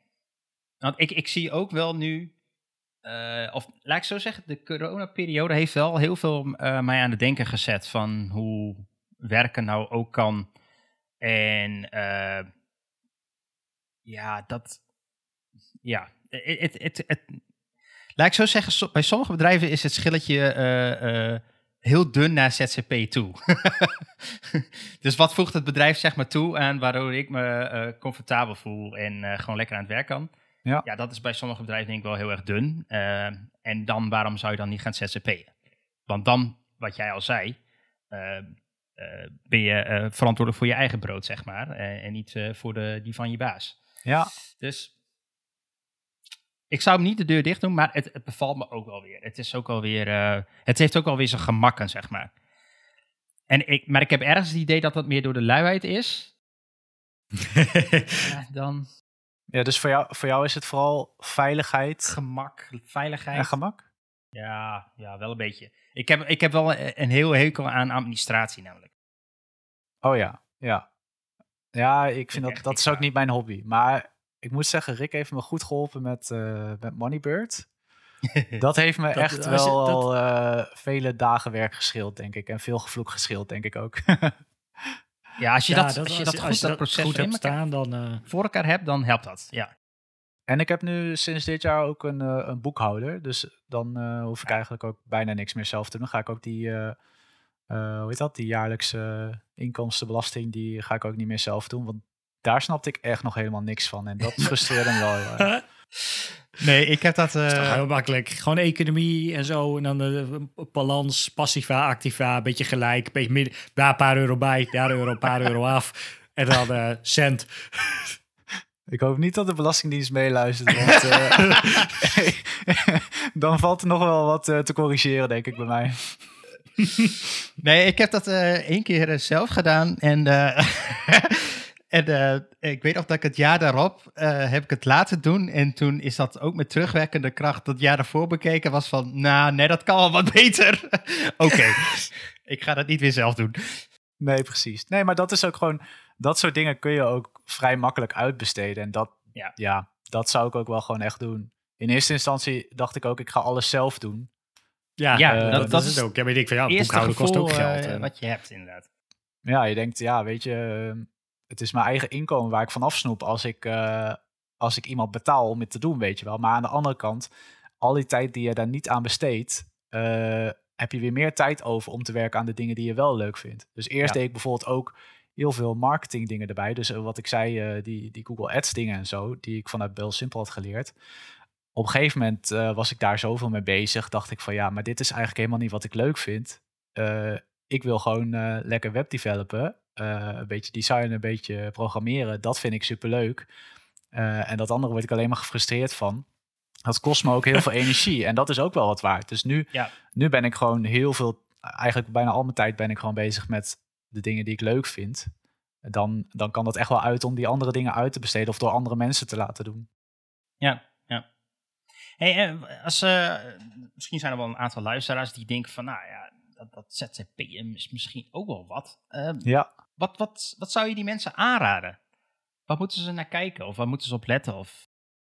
Um, ja, ik, ik zou zeggen, probeer het gewoon. Uh, ja, vooral, kijk, als je, uh, stel je hebt een vaste baan, je zou ook in principe wel, uh, ga eerst een dag minder werken. Ga eens kijken hoe het, hoe het bevalt om zelf wat klussen voor jezelf te doen. Dan kun je het gewoon rustig, dan heb je nog wel die veiligheid van een, van een goed inkomen, zeg maar. kun je het al een beetje proberen. Alleen wa wat je dan wel hebt, wat jij ook al zei, Michele, dat je die focus misschien wat minder hebt. Ja. Dus dat je, dat je toch te veel bezig bent met je, met je baan, ook al werk je maar vier dagen, dat dat ZZP dan een beetje, de, een beetje wegvalt, zeg maar. Ja. Maar ja, dat zou misschien dan een mooie, mooie manier zijn om het eens te proberen. En op een gegeven moment, ja, ik zou gewoon die stap maken. Um, vooral als je in de, in de IT-sector werkt. Uh, je bent UI, UX, uh, frontend developer. Uh, daar is zoveel werk. Uh, waarschijnlijk de eerste periode kan je sowieso vooruit met klussen. Als jij gewoon zegt van ik ben voor mezelf begonnen. En je zit een beetje in dat wereldje. Uh, je, nou ja, iedereen kent wel iemand die wat aan zijn website moet, moet doen. Dus die klussen komen waarschijnlijk wel. Um, en als je in deze, in deze branche zit, je hebt ook een goede terugvalbasis. Als jij als je denkt, nou, dit, dit werkt toch niet. Uh, ik vind het minder leuk dan verwacht. Of uh, ik krijg geen klussen of zo. Uh, je kan altijd weer bij bedrijven aan de slag. Ja, ja, ja. Ja, als je, als je dan nog niet weet waar, stuur even een berichtje naar ons. dan hebben wij wel plek voor je. Ja, ja, ja true. Alright. Hey, en en um, ja, wat, wat zeg jij nou van, wat zijn nou echt uh, ik denk dat we het net al een beetje besproken, maar wat, wat vind jij nou echt nare kant van freelancen? Ja, um, ik vind het wel.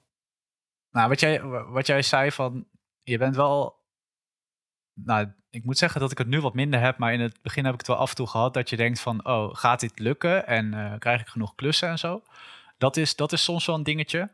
Uh, maar op een gegeven moment, uh, nou, dan, dan raak je daaruit en krijg je wat meer uh, terugkomende klussen en dat soort dingen. maar bijvoorbeeld als je, als je ziek bent of zo, ja, dan verdien je ook niks. Dat, dus dat is ook wel vervelend. Ja. Ik heb afgelopen jaar heb ik COVID gehad. Heb ik er een maand praktisch uitgelegen. Um, ja, dat, dat voel je wel in je portemonnee. Dus je ja. moet wel zelf zorgen voor een buffertje. Um, maar op zich, ja, daar kom je dan denk ik meestal wel uit. Um, maar dat is wel een, een, dingetje wat altijd wel een klein beetje in je achterhoofd speelt. Um, en ik vind het ook wel redelijk lastig uh, om met klanten over geld te praten. Um, hm. Dus je moet, je moet elke keer zelf die, ja, het die voelt bijna als een soort van onderhandelingen. Ja. ja. en dan, dan, moet je weer urenschattingen maken en dan word je erop afgerekend als je, als je te weinig hebt gedaan en als het meer wordt, weet je wel. Uh, dus dat, dat blijf ik altijd een moeilijk ding vinden. Ja, ehm, dat vond ik ook altijd lastig hoor. Dat, en sommige mensen, sommige mensen die, die snappen gewoon dingen kosten geld. Ja. En die vinden dat prima. Die willen ook gewoon. Sommige, ik heb ook klanten gehad um, die gewoon desnoods wel extra wilden betalen. Om gewoon te weten, weet je, dan is het gewoon, krijg ik het gewoon goed. En dan heb jij tijd voldoende en dan is het allemaal mooi. Maar ik heb ook klanten die gewoon echt letterlijk ja, toen, toen, was ik net begonnen, weet je, en dan komt er via via zo, ja, ik heb een website nodig voor een massagepraktijk of zo, weet ik veel. Nou, prima, het was dan echt een van mijn eerste websitejes, dan vroeg ik dan 500 euro of zo. Geen geld natuurlijk voor een website. En dan was het 500 euro. Nou, dat is wel uh, echt een smak geld hoor, voor een website. Ja, weet je, dus en dan ging je op dat moment, moest je dan weer onderhandelen dat dat dan, nou weet je, dat was de eerste website. Nu zou je zeggen van nou, uh, doei. Ja. Dat, uh, dat doen we, daar, daar gaan we niet eens op in. Maar dat, dat vond ik wel lastig inderdaad. Dat je, dat je ja, klanten moet overtuigen dat, dat dat uren kost en dat uren geld kosten. En dat het niet dat een website niet uit de lucht komt vallen, zeg maar. Nee, ja, maar het is wel belangrijk. Een klant moet wel de waarde inzien van het product wat je gaat leveren. Uh, Anders heeft het geen zin om het überhaupt te doen. Want dan zijn de verwachtingen verkeerd, dan zijn, gaan zij alleen maar proberen om te, te korten op die uren. Uh, dus het is gewoon belangrijk om vanaf het begin af aan de verwachtingen al goed te hebben. Uh, en en uh, nou ja, zo'n product te leveren, dat zij ook echt de waarde daarvan inzien voordat je begint al. Uh, dus je kan wel een heel mooie website gaan bouwen uh, en super mooi design en met animaties en alles erin. Maar als dat hun helemaal niet boeit en zij willen gewoon een online visitekaartje hebben, dan had je ook net zo goed een, een random template ergens kunnen downloaden. daar hun gegevens op kunnen knallen. En dan waren ze gewoon even blij geweest voor de helft of een kwart van de prijs. Dus je, moet, je moet heel erg goed uitzoeken van wat vindt een klant echt belangrijk. Uh, en waar, waar hecht een klant waarde aan. En ik probeer nu, ehm, ik, ja, dat was eigenlijk mijn voeter. Maar nee, ik probeer nu een beetje te, de week laatst achterkomen. Um, nou ja, je, je normaal werk je altijd op basis van uren nou ja, je hebt een, een uurtarief en je geeft een schatting. En uh, zo, uh, zo begin je dat project. Dus jij doet gewoon een schatting. Je zegt, nou, het kost, weet ik veel, 15 tot 20 uur. De klant zegt, is goed. en je zegt, vijf, weet ik veel, 65 euro per uur of zo. En je gaat aan het werk. Um, maar er is ook nog een ander model. En dat is value-based model. Hm. Waarbij je gewoon gaat kijken van oké, wat is voor de klant de waarde van dit product? Dus um, stel uh, iemand denkt van, uh, er komt een klant bij jou en die wil een bepaalde aanpassing aan zijn webshop doen en die denkt dat hij daardoor, weet ik veel, 10% meer omzet gaat krijgen of zo. Nou, dan kun je mm -hmm. dus heel precies, weet je wat het waarschijnlijk voor die klant moet gaan opleveren, wat jij, wat je gaat implementeren. Ja. Als, je, als je je prijs gewoon op basis daarvan doet, dus stel jij zet jouw prijs op 1 tiende van de extra omzet die die kan genereren met die aanpassing. Ja, waarom zou de klant daar niet mee akkoord gaan? Um, dat, is wel, is wel lastig natuurlijk. Met zo'n webshop, A, moet de klant dan wel weten van dat hij denkt daar 10% meer omzet mee te gaan halen. Meestal, volgens mijn ervaring met klanten, is dat ze dat niet altijd weten, zeg maar. Die, dat. En, en je hebt natuurlijk ook dingen die niet direct te meten zijn. Stel, iemand wil een nieuw blokje op een website hebben. Stel, er moet een quote component komen of zo, noem maar wat. Ja, kijk, voor dat soort dingen is het lastig meten inderdaad. Dat soort dingen. Of, of een, een, andere, andere feature die niet direct bijdraagt aan conversie Omzet. misschien? Ja, ja. Omzet, ja. Hoe, hoe hang je daar een value aan? Ja, dat is, dat is soms ook wel lastig inderdaad.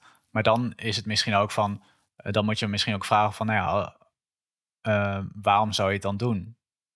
En dan zegt zij van ja, nee, maar uh, anders ziet het er niet goed uit. Nou ja, dat is voor een klant ook een waarde, weet je wel? Als het er niet goed uitziet. Dus je kan eigenlijk alles kan je wel ombuigen naar een waarde als je maar genoeg doorvraagt waarom een klant nou het echt wil. En vaak, vaak denkt een klant ook van ik wil het één. Dan komen ze bij jou van uh, uh, ja, dit moet gebeuren. En dan ga je een beetje doorvragen en dan vraag je maar van maar waarom? Wat hoop je ermee op te lossen? En dan komen ze met een probleem waarvan je denkt van oké, ik weet helemaal niet of dit überhaupt wel de goede oplossing is.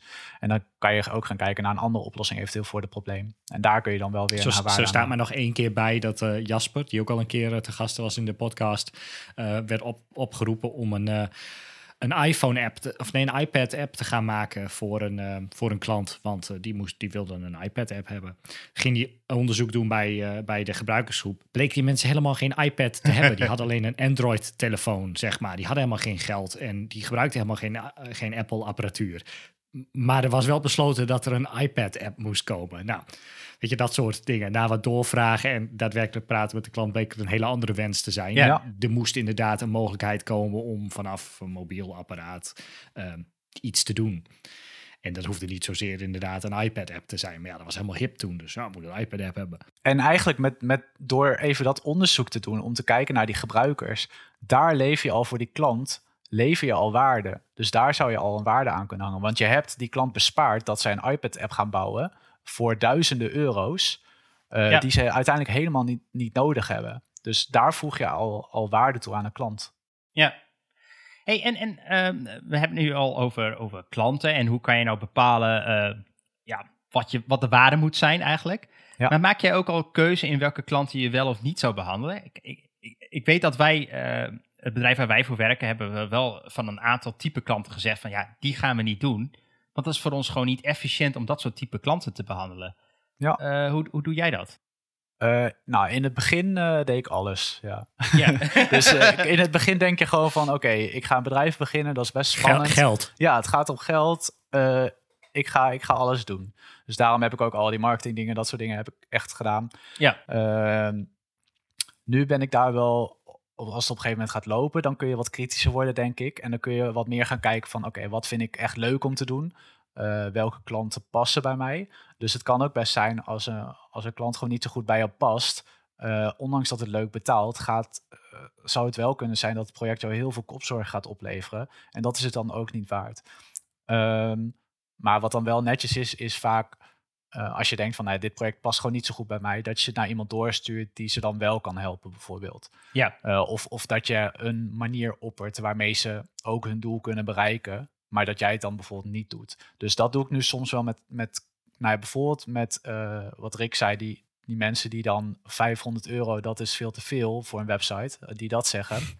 Ja, die ga ik nu niet meer helpen. Dan ga ik niet uh, zeggen van oké, okay, ik, ik, ik fix wel wat. Dan zeg ik van nou ja, dan zou je misschien een developer in India kunnen proberen via Upwork of ja. snap je zoiets. Uh, en dat is dan voor hun een prima oplossing. Daarmee komen ze bij hun doel. Maar dan, dan ga ik dat niet meer doen. Nee, nee, nee, precies. En, dat, en dat, dat zorgt er ook voor dat je, dat je zelf meer tijd over hebt om bezig te gaan met leuke klanten en met, met, met werkzaamheden die je zelf leuk vindt. Ja, ja. Ja, eens. Um, en um, uh, wat ik me ook nog afvroeg, um, dat vond ik namelijk wel lastig toen ik zelf freelancer was, is, is ga ik me nou heel erg specialiseren of, of word ik juist een beetje meer allrounder dat iedereen met alles, van alles bij mij kan komen? Uh, omdat ja, ik weet toch van alles wel een beetje, dus nou, dan kan ik het ook overal wel geld aan verdienen. Hoe, hoe doe jij dat? Ja, dus eerst, eerst deed ik dat dan ook allemaal wel. Uh, en, en was ik ook, ik heb best wel een brede interesse. Dus ik vond bijvoorbeeld Google Ads vond ik best wel interessant. SEO, daar wilde ik ook best wel wat over weten. Dus ik was er echt van in van alles aan het specialiseren. Maar daardoor zorgde, zorgde ik er wel voor dat ik uh, veel minder bezig was met uh, frontend development. En dat mm -hmm. ik daar ook merkte dat, dat ik eigenlijk een beetje misschien bijna achter raakte op de trends en dat soort dingen. Uh, en nu de laatste nou, twee jaar, denk ik, ben ik me wel uh, steeds meer aan het focussen op, uh, op front-end development. En daar ben ik nu eigenlijk alleen nog maar mee bezig. Ja. Um, en, en ik merk nu gewoon dat ik overal veel beter bij zit. Ik ben veel beter op de hoogte van de nieuwe specs en de nieuwste trends en uh, de nieuwste tools en dat soort dingen. Dus je wordt gewoon een stuk beter in je werk als je gewoon iets meer gaat specialiseren. Ja. Uh, en het is gewoon weg leuker. Ja, je bent minder, ja, minder bezig dat, met werk wat je niet zo boeiend vindt. Nee. Dan ben je de jack of uh, all trades, master of none. Precies. Ja, herken ik wel. Want toen, toen ik, ik ZZP dan dus nog steeds af en toe eens een beetje. Maar toen ik dat inderdaad uh, een paar jaar geleden redelijk veel deed. Ik deed alles. Weet je, kalenders in InDesign, in InDesign uh, flyers, folders, visitekaartjes, Google AdSense, you name it. Maakt niet uit. Als het enigszins uh, op het web zat of op een computer, dan, uh, dan, dan deed ik het wel. Maar inderdaad, dan word je inderdaad wel heel snel, uh, heel snel zat van. Want sommige dingen zijn dan, heb je dan één keer gedaan. Denk je, goh, nou oké, okay, dit heb ik gedaan. Maar dit was totaal niet leuk. Maar ja, dan is zo'n klant van, oh, dat heb je de vorige keer gedaan. Kun je nog even zo'n ding maken? Ja, eigenlijk geen zin in, maar ja, dat was wel weer geld. Dus nou, hots nog maar een, uh, een flyer folder, visitekaartje, huisstijl, roll-up, banner, vliegtuigposter, busbedrukking, you name it. Ja. Maar goed, dat, uh, ja, daar nee. ben ik ook wel overheen. Ja, precies. En, en bijvoorbeeld alle marketing dingen die ik nog had staan, die uh, een, een, vriend van mij die is begonnen als marketeer en ik heb al die dingen gewoon naar hem doorgeschoven. En we werken nu aan heel veel projecten ook samen. Doet hij het marketingdeel en dan doe ik het, uh, het, technische gedeelte. Ja, dat is wel um, En dat is, dat is super leuk. En ja. um, dat is ook, dan werk je ook wat meer samen met andere mensen. In eerste instantie dacht ik, ik ga alles gewoon alleen doen. Dat, dat was mijn ideale wereld, om, om gewoon alles zelf in eigen hand te hebben. Maar dat is uiteindelijk ook niet alles. Dus ja, ik raad mensen dan. Kun je, jij kan je tijd beter besteden. Hij besteedt zijn tijd effectiever aan waar hij iedereen, everybody happy. Ja, precies. Bij kant. Ja. ja.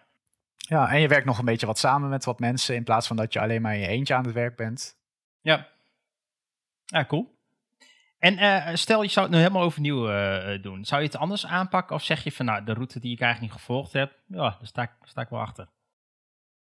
Um, ja, ik zou misschien iets, iets sneller gaan, uh, iets meer specialiseren wel. Ja, ik denk okay. iets, iets, iets sneller die, die dingen door andere mensen laten doen die je zelf niet wil doen.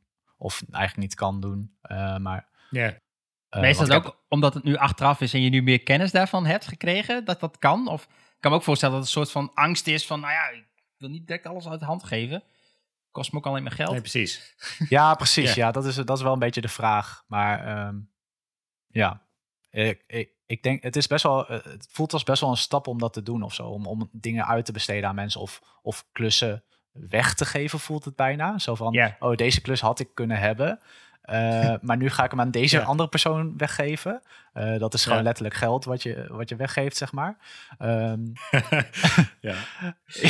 ja, maar, maar ehm, nee, daar zou, ja, daar zou ik dan, dan denk ik wel gewoon iets minder bang voor zijn. Uh, en, en misschien wat, eh, ik heb ook wel een paar klussen gedaan waarvan ik eigenlijk in het begin al niet een heel goed gevoel had. Eh, dat, dat je denkt van, nou, deze klant past misschien gewoon niet zo goed bij mij. Of eh, ja, dit, dit werkt gewoon niet zo goed, maar dan toch gedaan. En achteraf gezien eh, was, het, was het meestal de struggle niet waard. Zeg maar. Als je van tevoren al door hebt, dit wordt een matig project, dan, ja, dan is het het gewoon niet echt waard. Nee. Dus misschien... En er is nog een verschil. Kijk, jij, jij ZZP dus voor, voor klanten, zeg maar. Eh, ja, jij ZZP's voor klanten. Michelle, jij was gedetacheerd. Je had jezelf gedetacheerd als ZZP'er en was dus eigenlijk fulltime voor één klant bezig. Ja. Bij een klant in plaats van voor een klant. Sander, heeft, jou, heeft dat ook jouw interesse nog? Of zeg je van nee, ik, ik heb geen zin om eh, even bewijzen van fulltime bij eh, KPN, Ziggo, Duo, whatever eh, te gaan zitten? Ehm, nee, in principe niet. Nee, dan, dan denk ik ook van, dan kan je net zo goed daar gewoon in dienst gaan. Ja, fulltime. Die zeggen van, hé, hey, wij, wij zoeken een front-end developer, eh, 110 euro per uur voor een half jaar. Maar dat zou ik misschien Met- nog wel en doen. nog een half jaar. Er is dus wel een bedrag. Nee, nee, nee, het gaat niet om het geld. Maar ik bedoel, als het, als het zeg maar... 100, 100 euro, 90. Nee, kijk, als het, als het eh, van tevoren al bepaald is dat het, dat het een einddatum gaat hebben... dan heb je gewoon een heel mooi project. En dan heb je wel Ja. gewoon zes maanden zekerheid. St- en dan kan je sterretje, daarna weer met je eigen dingen bezig gaan. ja, dat, en toen was het bij de overheid en duurde het nog drie jaar. Ja, Ja. nee, Ja. check. Nee, check. Alright. Hey, en, en, en vanaf nu, hoe, ga, hoe ziet de toekomst er nu verder uit? ja goede vraag. Eh, ik ehm, vind het altijd lastig om te kijken naar de toekomst. Ik ben altijd heel erg veel bezig met eh, nou ja, wat ik nu aan het doen ben. En ehm, ja, ik kan dat nooit zo goed voorspellen, omdat ik altijd ook het idee heb dat, eh, dat het altijd alle kanten nog op kan. Ja, Ehm, maar ik ben me nu wel wat meer aan het wat meer aan het nadenken over hoe ik ehm, misschien wat meer de advieshoek op kan in plaats van alles zelf uitvoeren. Eh, dus bij heel veel projecten, eigenlijk in het begin van het project zit er een hele grote eh, fase. Dat is de adviesfase, waarin je gaat nadenken over wat dan de beste oplossing is voor de klant. Eh, en nou ja, dan is eigenlijk het, het leeuwendeel van het, van het denkwerk is al gedaan. Ehm, en in de toekomst zou ik er wel iets meer naartoe willen dat ik dan dat gedeelte oppak. En het dan eh, de, de ontwikkeling van de website zelf bijvoorbeeld, dat ik dat dan bij iemand anders neerleg. oh, ja, ja. Ehm, Ja. En misschien, ja, misschien in de toekomst wat meer eh, bezig met wat, wat side projects of wat, eh, wat, wat startups of dat soort dingen. Ja. Eh, dat lijkt me heel leuk om te doen, omdat eh, ook als je voor klanten werkt, dan ben je eigenlijk nog bezig voor hun bedrijf, weet je wel. Dus, en als jij, als jij eh, een, een, tof, eh, een toffe tool hebt gebouwd of zo, en je, je focus je daarop, ja, dan is dat echt volledig van jezelf. Dat lijkt me nog wel heel tof om te doen. Ik kan me goed voorstellen inderdaad. En ehm, ja, misschien wat meer actief op zoek naar, naar de ideale doelgroep. In plaats van gewoon maar de projecten aannemen die jouw kant op komen. Dus eh, via via komen er heel veel verschillende projecten bij je wel. Ehm, maar dat zijn, ja, zijn eigenlijk heel veel verschillende projecten en zijn niet allemaal, liggen niet allemaal precies gelijk met jouw interesses. Uh, dus als je jezelf, nou, ik ben nu best wel uh, aan het nadenken over mijn eigen positionering. Dus is er een bepaalde doelgroep die ik wil aanspreken? Wil ik me wat meer gaan focussen op een, een specifieke tak van sport? dus wil ik, wil ik echt bijvoorbeeld volledig de WordPress development ingaan? Of ehm, wil ik me juist richten op een ander heel specifiek ding? Uh, dus dat zijn wel dingen waar ik nu veel, veel over aan het nadenken ben. maar waar ik ook wel echt tijd voor inplan om daarover na te denken. Om. Nou ja, om dus wat meer je eigen, je eigen merk te ontwikkelen. Ja, ja, ja. En hopelijk zo dan wat, wat uh, een wat specifiekere doelgroep aan te spreken. En uh, dat die dan ook naar jou echt toekomen vanwege, jouw uh, vanwege jouw targeting. Ja. ja, precies. Eigenlijk wil je een specifiek type bedrijf worden. Of eigenlijk ja, een eigen merk. Ja, nee, in plaats van een webdeveloper die allerlei web development klusjes doet.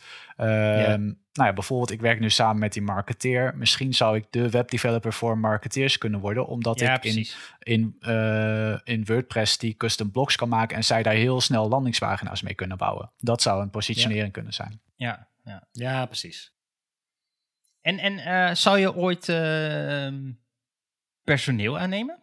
Of, of denk je van, nou nee, ik, ik, liever alleen. Nou, je zegt net wel van inderdaad van het, misschien zou ik dan het, nou, like het UX research voortraject willen doen en iemand anders dan de developer. Dat zou dan je personeelslid kunnen doen.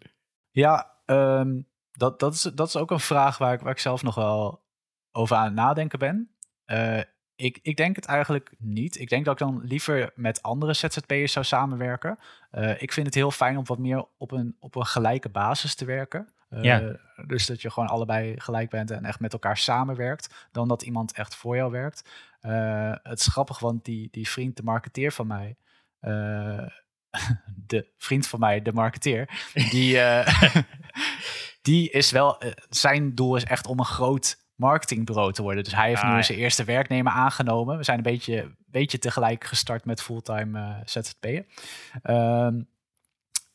Um, maar eh, ja, ik denk niet dat ik de intentie brengt, heb... Brengt ook een hoop administratie met zich mee. Precies, ja. ja. En je bent wat meer dan aan het uh, micromanagen misschien ook. Uh, nou ja, dus ik denk niet dat... ja, volgens mij heb je eigenlijk twee typen ZZP'ers. De een die wil echt een agency gaan opbouwen. En de ander is wat meer een, een lone wolf of zo. Ja. Uh, wat meer voor zichzelf. Uh, dat betekent niet dat je niet samenwerkt met andere zelfstandigen.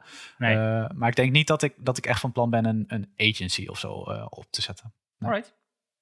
Alright. Check.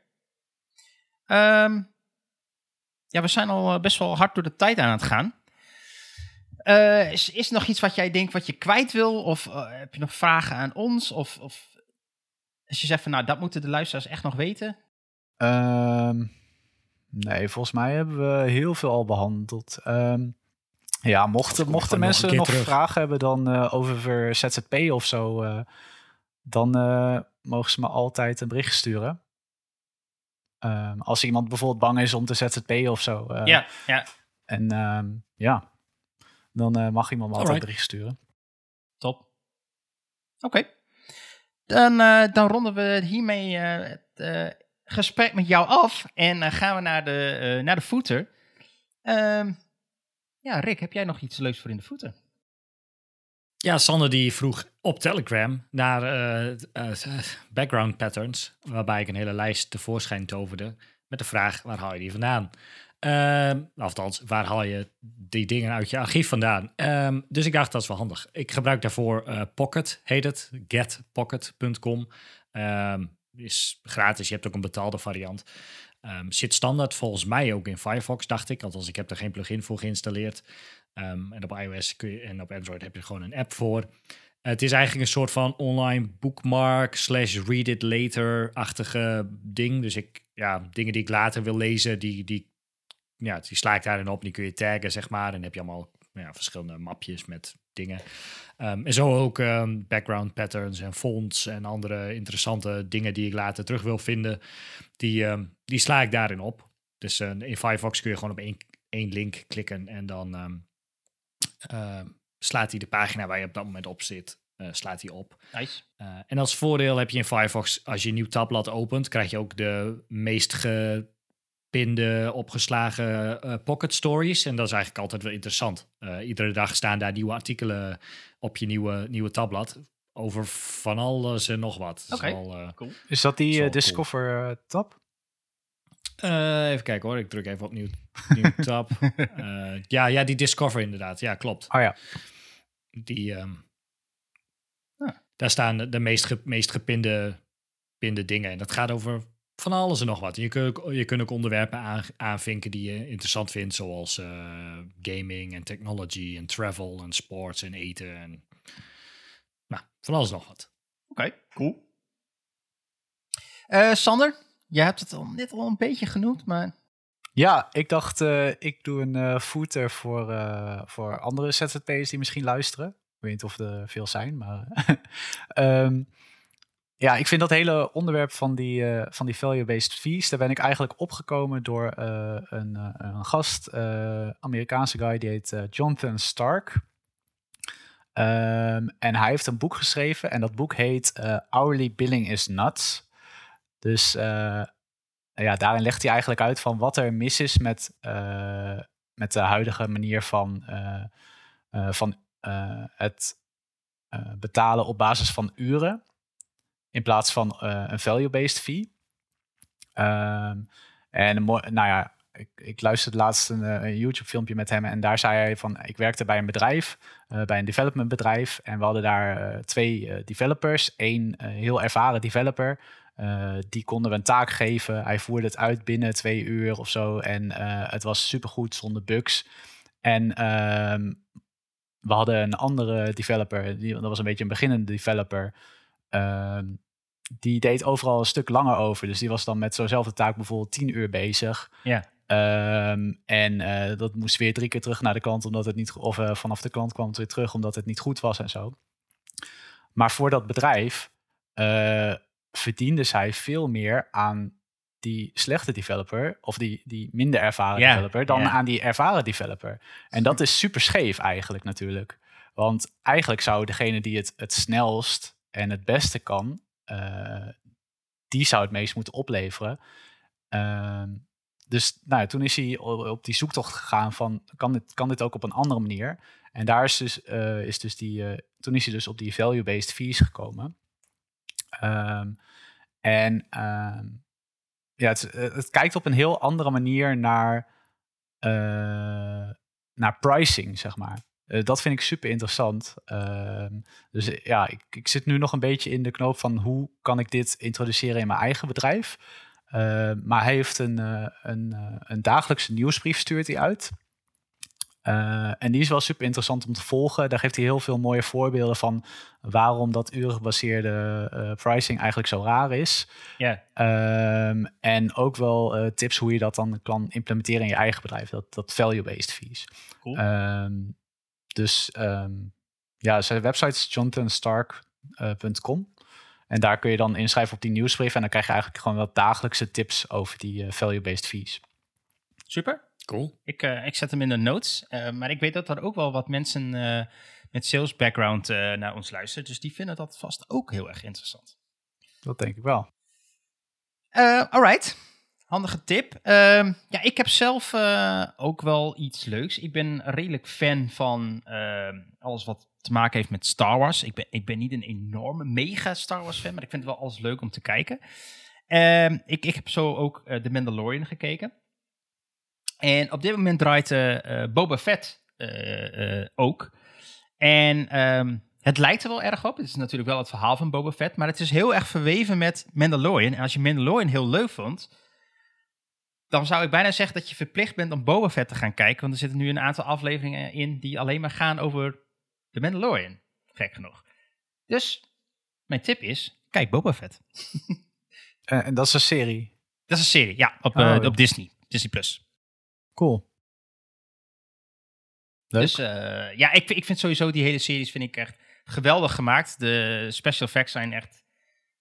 Ik, ik snap niet hoe ze het kunnen doen voor een serie. eh, want het is gewoon filmwaardig. Dus eh, ja, ik vind het eh, super tof.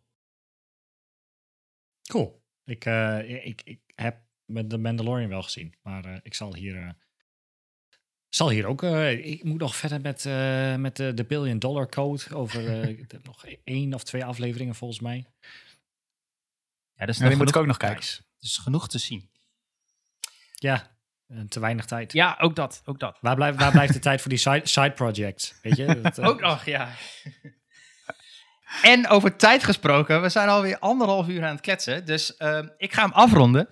Eh, mocht je deze aflevering nou ergens luisteren, bijvoorbeeld op Google Podcast of Spotify of Apple Podcast of wherever, Amazon Music. we zijn overal te beluisteren.